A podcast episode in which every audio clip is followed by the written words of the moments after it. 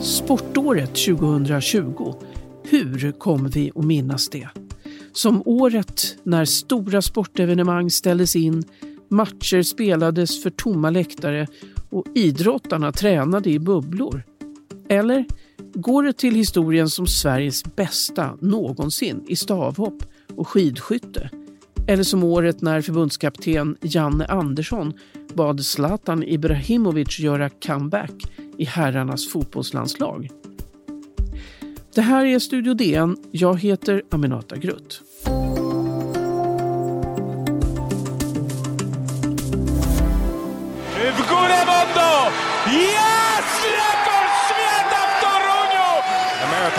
Swede Armand Duplantis, 20 years of age, in the space of a week. A world record beckons. 6 metres 18 for Mondo. Has he got enough today? Yes, he has! Unbelievable! 15. This will be a world outdoor record. Oh, yes! Oh, that is the highest vault in history! Ja, det ska handla om sportåret 2020 i Studio DN och det ni just hörde var förstås kommentarerna till de rekordstavhopp som årets bragdmedaljör Armand Duplantis gjorde i Torun, Glasgow och Rom. Ja, vad minns vi mest? Vad vill vi glömma och vad kan vi förvänta oss inför nästa år? Med oss i studion har vi DNs sportkrönikör Johan Esk. Välkommen! Tackar! Vad tar du med dig från 2020? Att det här har varit bubblornas och eh, de to tomma läktarnas år. Och när jag pratar om bubblor, då är det så här, en, elitidrotten framförallt, den är ju ofta generellt en bubbla, för det är lite en låtsasvärld som vi andra tittar in och följer. Men, eh, och normalt så brukar en bubbla vara något som alla idrottare och publiken vill till. Man längtar efter. För att till exempel OS så stänger man in sig i en bubbla och så lever man där mm, 10-12 dagar och så försöker man vinna ett OS-guld. I år har eh, idrotten tvingats söka upp och skapa helt nya bubblor för att kunna genomföra sina slutspel. Det började redan då på ja, vad ska man säga, försommaren där när NHL-slutspel i hockey borta i USA, det var Champions League-fotboll och ända nu till slutet av året här när damernas handbollslandslag har stängt in sig i en bubbla. Och det andra, det är ju som sagt de tomma läktarna, att elitidrotten har hankat sig fram och kunnat spela, men publiken har fått stanna hemma. Och i våras, till exempel när det gäller fotbollsallsvenskan, så fanns det förhoppningar om att i höst skulle alla stå där och i höst skulle man kunna gå ihop med sina kompisar, ihop med sina pojkvänner, flickvänner och föräldrar, men det blev aldrig så. Samtidigt så är en annan, ett annat stort offer eller en stor förlorare, det är faktiskt breddidrotten, bredd och motionsidrotten. För de som inte har kunnat hålla på alls, det är ju de här stora motionsloppen. Det, Vasaloppet hann precis genomföras, sen stängdes det ner, men det blev inget Göteborgsvarv, ingen Vansbrosimning, ingen Vätternrunda, ingen Lidingölopp, Stockholm Marathon och allt det där. Och även här nu i slutet av året när de där starkare restriktionerna kom så var det just det att elitidrotten kunde rulla på men till exempel tonåringar fick inte ens träna och sådana här saker som division 1 och division 2 nivå i många sporter. Den eh, var tvungen att pausa så att man kan ju säga att den här svenska idrottsmodellen där allting ska hänga ihop från topp till botten, den har ju visat sig falla i krisens år. Om vi ska djupdyka lite då kring eh, de olika idrottsprestationerna som ändå har gjorts eh, på professionell nivå. Vi börjar där med Duplantis. Vad har han att ge framåt? Ja, men hans eh, insats, den är ju så, så, så, även ett vanligt år så att säga, så skulle det han gjort nu eh, stå ut Eh, ja, som det, det, är lätt att man använder stora ord, men i det här fallet gör man det för att han eh, först då i början av året och innan det hade stängts ner så lyckades ju han eh, sätta världsrekordet två gånger. Och i stavhopp är det så märkligt så även att du har inga skillnader på rekorden när det gäller inne och ute. Så att de två hoppen han gjorde där, eh, sex och, eh, ja, nu tappar jag bort siffrorna, men det var alltså... 6 och 16 och 6 och 17. Eller 6 och 17 var hans nya rekord då? 6 och 17 och 6 och 18 var det. Just det. Eh, och sen då det här utomhusrekordet på 6.15. Det är ju sådana prestationer som eh, framförallt tycker jag det där 6.15 att han då är bättre än Sergej Bubka, då den legendaren som ses som en av de bästa friidrottsaktiva, både män och kvinnor i alla tider. Och så kommer då en kille som vid den tiden var 20 år och slår det där. Och det känns som att han, kan, han är bara i början av sin karriär. En stavhoppare har ju sina bästa år kanske någonstans mellan 25 och 30. Så att det, det var ju något sensationellt, verkligen på alla sätt. Och om man backar bandet också så var faktiskt inne-VM en av de första grejerna som ströks från programmet, för det skulle gått till Kina. Och jag kommer så väl ihåg när det där hände, då var det liksom att, aha, de ställer in inne-VM i Kina, har de sånt problem med den där nya, liksom, det där nya viruset där borta? Det låter ju inget bra, men ja. Och sen gick det några veckor och sen ställdes ju allting in. Ja, det är en verklig prestation. Alltså det är ett 26 år gammalt rekord det här som han har slagit. Utomhusrekordet då, Sergej Bubkas. Ja. Det finns ingen annan som har varit så bra hittills alltså, i Sverige.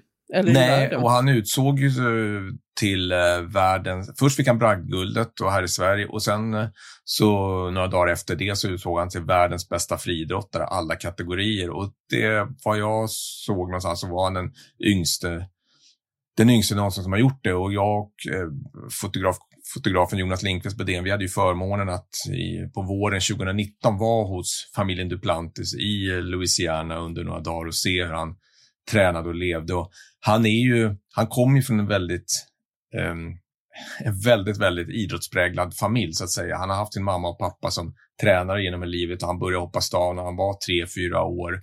Men det man var lite osäker på inför det här året, det var ju hur han skulle klara då förväx, liksom förändringen att gå från en liksom en tonåring till en vuxen med tanke på den fysiken som han ändrade genom att bygga på sig mera muskler. Och, men uppenbarligen så klarade han ju det. Och det här med att han fick bragdguld, kan man ju tycka att ja, men det var väl ingen bragd det han gjorde, men det är ändå så där att han klarade under de svåra förhållanden som var i år när ingenting var som det brukar, att ändå hoppa på extrem nivå. Han skulle ju då i, i år egentligen ha hoppat hem ett OS-guld, men då får han kanske förhoppningsvis göra det 2021. Vi lär ju prata mer om det snart, vad som händer nästa år. Men mm. Det var ju överlägset. Det, och det även om när de stora globala medierna sammanfattar idrottsåret så kommer det där vara absolut högt upp. En annan idrottare som gav ett lite oväntat besked eh, om comeback kanske i landslaget, eh, Zlatan. Så här sa han i en intervju med Aftonbladets reporter Erik Niva för ett tag sedan. Yes, jag saknar det. För jag vill vara i Friends Arena. Jag vill att det ska vara den gula muren, gula väggen, vad vi kallar den. Där liksom man kommer ut, man har den gula tröjan och man ser fullsatt. Om jag saknar det? Såklart. Den som inte saknar det, han har redan avslutat sin karriär. Och jag har inte avslutat min karriär. Ja, blir det här året när vi får se Zlatan Ibrahimovic i landslaget igen? Vad tror du Johan? Ja, jag tror det. Om han nu håller sig frisk, eh, det är den. Och det här som eh, ljudklippen ni spelade upp där, det var ju, kom ju lite out of the blue och väldigt överraskande för att om man backar bandet så slutar han ju spela då efter EM 2016 eh, och när, sen, i samband med det så hade han och förbundskapten Jan Andersson samtal men han Zlatan var inte intresserad. Istället han ägnade en hel del tid åt att skicka pikar och nästan psyka landslaget och Jan Andersson och använda landslaget lite halvmärkligt i olika liksom, reklamutspel och sådär. Så att det var bara någon månad sedan innan så hade han haft någon ny sån där grej om och mot landslaget. Eh, och så plötsligt kom det här. Eh, väldigt oväntat måste man säga. Jag tror det finns flera orsaker. Dels inser han själv att han fortfarande håller så bra som han gör. Att när han kom tillbaks till Milan och den europeiska toppfotbollen så var han fortfarande en av världens bästa. Det andra är kanske att han ser att ja, men så som Sverige försöker spela nu, det, det är ett sätt som passar honom ganska bra. Men det tredje, det, som det kanske inte har pratat så mycket om, det är nog att han börjar, han är ju han är strategiskt smart, Zlatan, att han, hur, med sitt varumärke. Han kanske började känna det, eller hans rådgivare började känna att, att det börjar bli lite det här tjatet mellan dig och landslaget och mot landslaget. Det är inget du tjänar på på sikt, för att han har inte så många år kvar på landslaget och han ska ha ett starkt namn och ett starkt varumärke i Sverige många, många år sedan och då kan det nog vara smart att se till att göra en lite eh, bra avslutning på det där. Tolfte guldbollen, kan han få en trettonde då kanske? Man vet aldrig. Säkert, säkert. Men som sagt, han är 39 år, han har en helt magisk fysik och han har en lika imponerande motivation och inspirationsförmåga. Det här drivet han har inom sig, det lever och frodas. Men nu här under, eh, vad var det, månadsskiftet ungefär november-december så fick han en skada och det blir ju inte lättare och lättare liksom för honom att komma tillbaks. Men Å andra sidan så spelar han i Milan på ett nytt, lite nytt sätt nu. Han behöver inte springa och jaga över hela planen längre, utan eh, de sparar honom till det bästa, det han är allra bäst på, att spela fram motståndare, göra mål eller göra mål själv. Vi ska prata mer om sportåret 2020 och vad vi kan förvänta oss av 2021 alldeles strax. Och eh, kanske lite om hur det är att jobba med sportjournalistik också under ett pandemiår.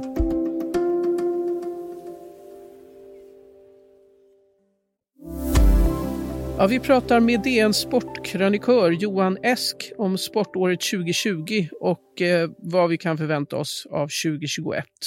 Men jag ska börja med att ställa den här lite personliga frågan. Hur är det att jobba med sportjournalistik ett sånt här pandemiår? Det, inte min sommar blev väldigt, väldigt märkligt för att jag skulle haft eh, sju dagars semester mellan fotbolls-EM och sommar-OS. Istället tömde jag semester och kompkontot och drog sju veckors ledighet där när allting ställdes in. Så att det var ju det mest påtagbara. Och det andra det är ju att det har... Eh, för mig som krönikör som står lite utanför och försöker skildra skeendet så har det funnits väldigt, väldigt mycket att skriva om. Det måste man Men det har varit andra saker att skriva om och man eh, längtar ju naturligtvis tillbaks till det vanliga och den nerv som är i levande idrott. Ehm. Och, och sen tror jag det är, man började göra de här reportagen om vad ska hända i tidigt på säsongen så att säga, men då hade man vetat då att det blir ingenting alls, då hade det kanske känts ännu mer eh, tråkigt så att säga. Men ingen visste hur länge det här skulle pågå, det vet väl ingen fortfarande. Mm. Jag, jag, hade en lång lista här på min eh, iPad. Jag satt och scrollade. Det var, det var supermånga arrangemang som har blivit inställda. Eh, det måste ju vara också supersvårt att ge sitt allra bästa som idrottare när man inte har någon publik. Vad tror du om det? Ja, och det har inte minst eh, Mondo Duplantis pratat om, för han är en sån där, han är liksom en entertainer. Han gillar när det är spännande och han gillar när publiken är där. Vissa, vissa trycks ju ner av sånt, men han, eh, han lyfts ju av det. Och när man tittar här på, i Sverige så har det varit väldigt mycket om det där fotbollsallsvenskan. Hur påverkades den? Och Malmö vann ju herrallsvenskan eh, enkelt överlägset. De är ju ett stort publiklag, men andra stora publiklag som Hammarby, AIK, Djurgården, de gick inte alls lika bra som väntat och då har ju det pratats om att publiken var en stor orsak till det. Dels för att eh, publiken mot slutet av matcherna kan pumpa fram extra energi och också kanske att domarna eh, påverkas. Det fanns en statistik som visade att eh, det var mycket jämnare bedömning mellan hemma och bortalag än vad det brukar vara. Några som vi inte ska glömma bort är ju skidåkarna. Det har ju gått jättebra för både skidskytte och eh, vilka var det mer som har tagit guld här nu? Ja, alltså det bör året började ju då med att eh, Linn Svan, den nya sprintstjärnan, kom i stort sett från, eh, ah, inte ingenstans kan man säga, men hon verkligen dundrade in. Både på sättet hon åkte och sättet hon var. Hon var verkligen en helt ny sorts, skulle jag vilja säga, idrott skidprofiler. Det var verkligen ingen som bad om ursäkt, utan hon, ja, men hon ställde sig. Hon tog sin plats både på och utanför spåret och hon fick sina utbrott och slängde mobiler och slog sönder stavar och allt vad det var. Eh, och hon vann ju hela sprintkuppen innan, då, innan säsongen avbröts hastigt och olustigt. Och sen så han också Frida Karlsson vinna tvåmilsloppet i Holmenkollen före självaste Therese Johaug. Och, och vinna där, att vinna i Holmenkollen, det är trea i skidvärlden, eller fyra kan man säga. För först OS, sen VM och sen Tour de Ski, men sen kommer det där Holmenkollet-loppet. Sen hade du han Henrik Harlå som eh, åker i freeski, eller som då kör i Big Air och vann X-games för sjätte gången. Han hoppar och gör tricks i extremt eh, stora, svåra hopp. Också nu i slutet av året så har ju då Sverige då klivit upp och fram som kanske världens bästa skidskyttenation. Och det backar Tidigare, Sverige har ju haft bra skidskyttar genom året, men då har det varit mycket mer sådär um, enstaka stjärnor. Det har vunnit Magdalena Forsberg, Anna-Karin Sidek, Helena Ekholm, Björn Ferry. Men nu är det liksom extremt starka lag. Skillnaden, eller förklaringen där, det var väl att den här demontysken Wolfgang Pichler la en väldigt bra grund och så kom en ny förbundskapten in som heter Johannes Lukas, också tysk och trots att han aldrig bott i Sverige pratar flytande svenska. Det är bara en sån sak. Så de har kört vidare på det och har nu helt annan bredd och skidskyttet lyckas också mycket bättre organisatoriskt för att de har klarat, i alla fall så länge som vi spelar, innan vi, när vi spelar in det här då, så är, har skidskyttet klarat att genomföra sin säsong planerat medan längdsäsongen har hackat minst sagt och eh, det visar ju att internationellt så funkar skidskyttet mycket bättre organisatoriskt. Och sen får man inte glömma det att internationellt så är skidskytte en mycket, mycket större sport än längd. Vi svenskar tror ju ofta att skidskytte, det är väl de som inte är tillräckligt bra att åka skidor, hänger på sig en bössa och så försöker de, men det är inte alls så internationellt, utan till exempel i Tyskland som är en väldigt stor nation då finansiellt och så där de bästa de går först i skidskytte för där finns det mycket större pengar. Är de inte tillräckligt bra där, då åker de längd. Sveriges Television har väl hjälpt till att göra skidsporten väldigt eh, populär genom Vinterstudion? Ja, exakt. Och eh, det här är ju faktiskt sista året med längdskidor i Vinterstudion. De har deras kontrakt med skidskytte fortsätter några år sedan och den absolut största förloraren på det kommer ju vara naturligtvis längdåkningen för att eh, nu när skidskyttet växer så är det en fantastisk tv-sport och eh, kanske radiosport också så, så ehm, ja, det, det är Vi Får se hur länge intresset kommer kunna hållas uppe. Det var ju mycket liksom, dels Charlotte Kallas genombrott som kom samtidigt som Vinterstudion startade lyfte eh, intresset, som alltid har funnits, men det lyfte intresset ytterligare flera snäpp skulle jag vilja säga. Där kommer väl hon att förlänga sin eh, karriär ändå kanske, trots att man trodde hon skulle sluta i år, eller? Ja, det här skulle ju vara hennes lite så här, uh, vi får se hur det går år. För att um, jag träffade henne strax före säsongen och frågade, ja men nu när det är så nära till OS som går då 2022, kommer du inte köra dit? Nej, jag, jag vill göra resultat i vinter och hon drabbades ju av eh, covid och fick början av sin säsong helt förstörd. Och vi får ju se hur hon kommer tillbaks. När det här spelas in, då har hon fortfarande inte börjat tävla och eh, det är väl eh, det är väl väldigt osäkert vad som händer där. Hon har ju kommit tillbaka förut, men alltså det är en väldigt svår, kon tuff konkurrens. Inte minst, jag menar, Johaug gör sina framsteg, men även liksom Frida Karlsson och Ebba Andersson eh, i svenska laget. Så det kommer krävas extremt mycket av Kalla för att ta sig tillbaka till där hon har varit.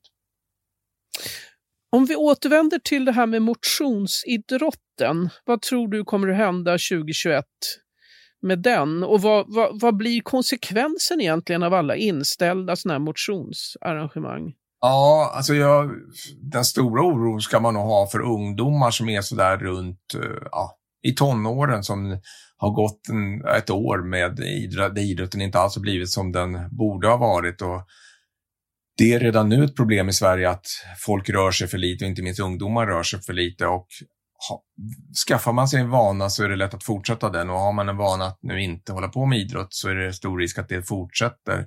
De här motionsloppen som är för äldre och vuxna, de kan nog återhämta sig ganska snart på sikt tror jag. De gör ju enormt stora ekonomiska förluster så att det, det, risken är att det slås ut en del där. Men den stora oron, det ska man nog känna för vad som händer med ungdomsidrotten under de allra bästa. Men sen har du även de där riktigt, riktigt lovande idrotterna, för de har inte heller fått tävla och väljer de kanske att satsa på några andra yrken här när, när de inte får, får utöva sitt, sitt, eh, sin idrott.